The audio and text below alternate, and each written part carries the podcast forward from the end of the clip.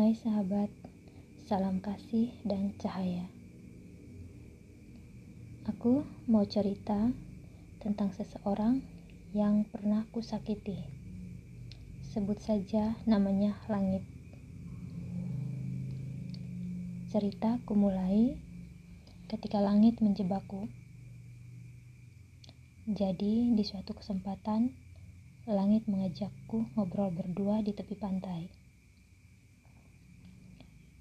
Aku yang polos menurut saja karena aku sudah mengenal baik langit dan dia adalah sahabat baik saudaraku. Dia sering ke rumah dan dia sudah kuanggap seperti kakakku sendiri. Keberadaan langit selalu membuat suasana rumah menjadi ceria karena memang dia berbakat untuk melucu. Tetapi tidak berarti aku mencintainya.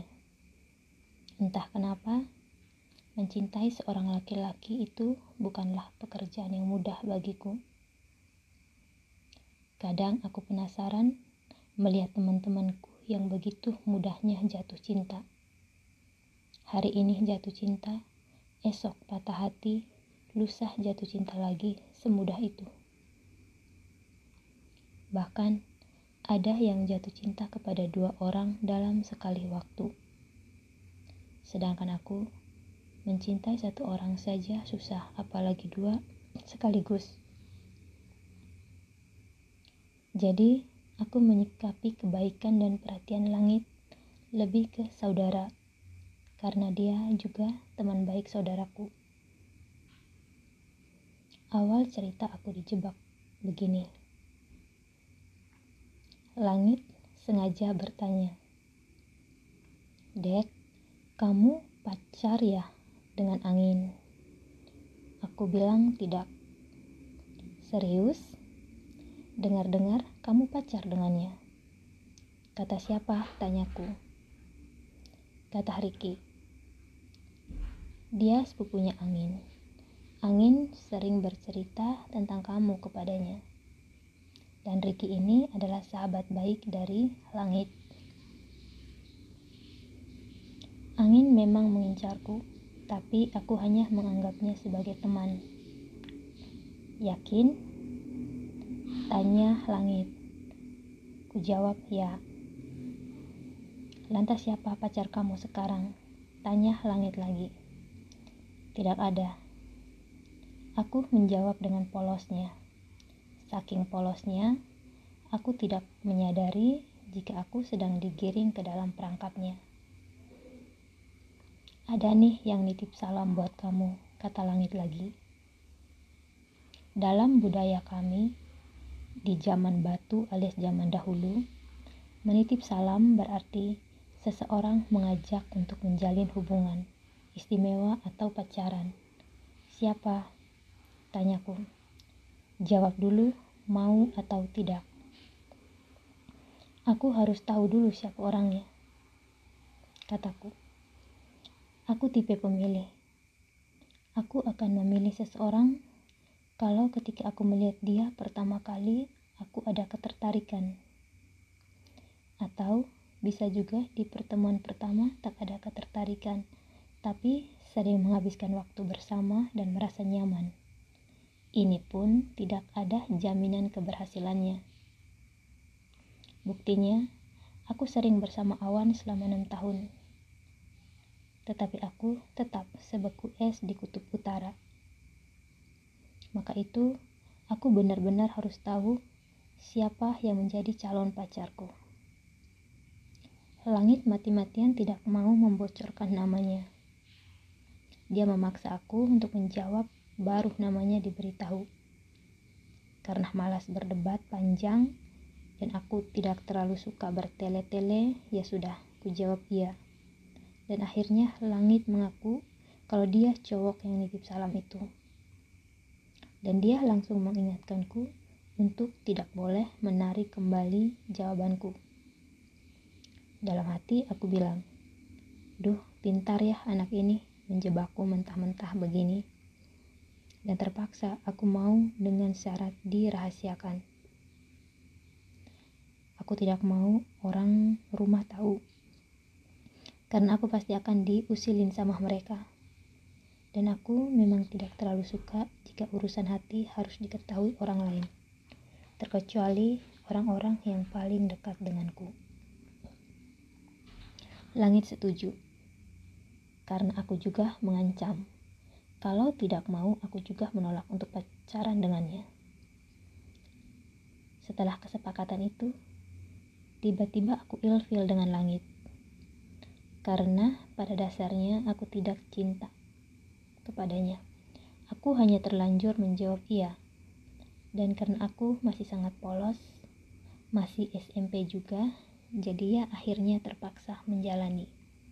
Dan ini yang membuat aku ilfil. Tapi kusembunyikan rasa ilfil ini. Sampai akhirnya rasa ilfil ini mulai memudar dan aku kembali normal. Tetapi untuk cinta rasanya belum sampai ke tahap itu. Aku hanya lebih menyadari bahwa aku punya pacar dan aku tidak tahu apa yang harus kulakukan dalam menjalin hubungan itu. Karena aku benar-benar belum siap. Aku tidak pernah membahas soal perasaan saat lagi duduk berdua. Intinya jauh dari kata romantis. Sampai akhirnya ketika langit merangkulku dan berusaha mencium bibirku, di saat yang sama aku berusaha menolak secara halus karena aku menganggap diriku sendiri masih kecil dan aku punya prinsip sendiri. Menurutku, orang baru boleh berciuman kalau sudah menikah. Dan aku tidak mau langit mematahkan prinsipku.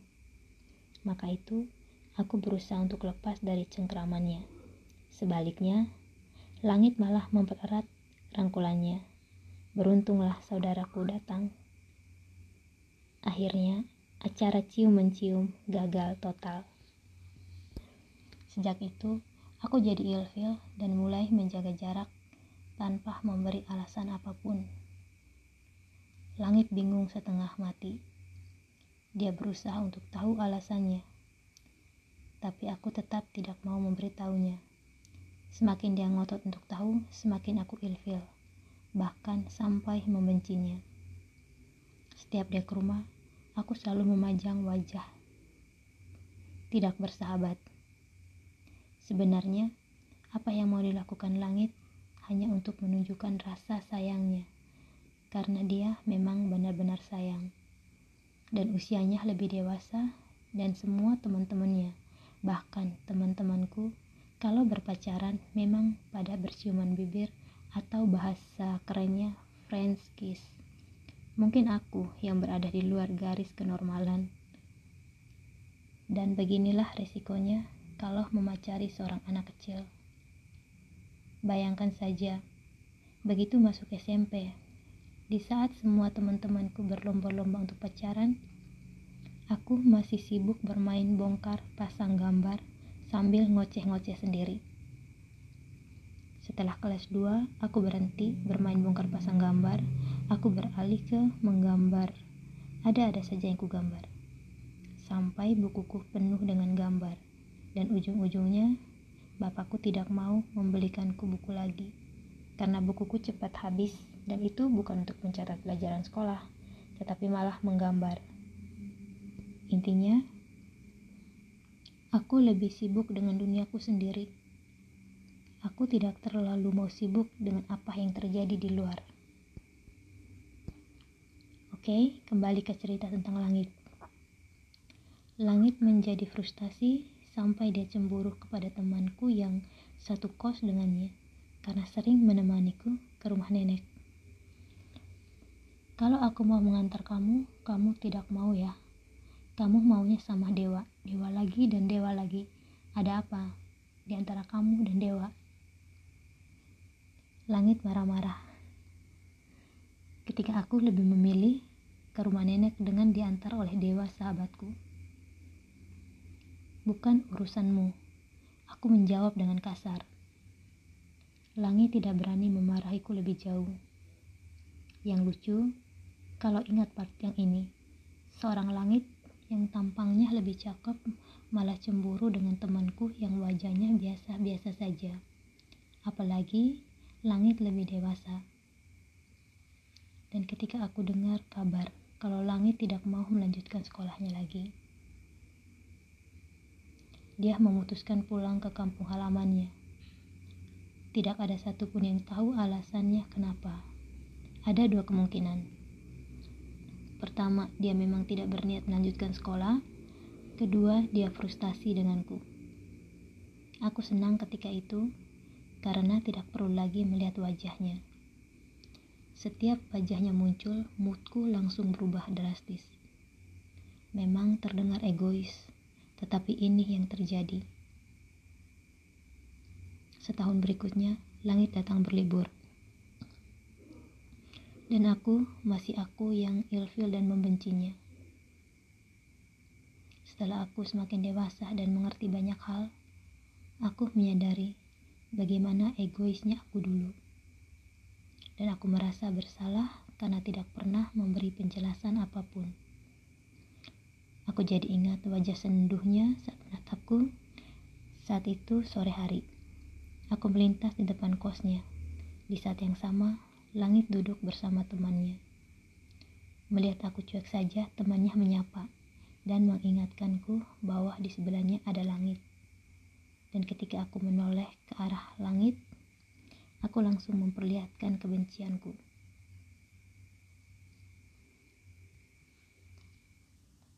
Dan setelah aku kuliah, aku sempat mencari jejaknya hanya untuk meminta maaf sekalipun dia sudah melupakanku.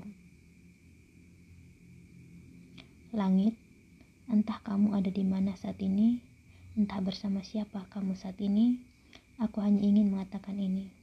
I'm sorry, please forgive me, I love you, thank you. Aku meminta maaf untuk semua kesalahanku. Aku juga sudah memaafkanmu. Aku mengasihi kamu sebagaimana Tuhan mengasihi semua ciptaannya. Kamu bahagia ya? kapan pun dan di mana pun kamu berada. Tuhan memberkatimu. Nah, sahabat, ini ceritaku. Thank you, thank you, thank you. Namaste.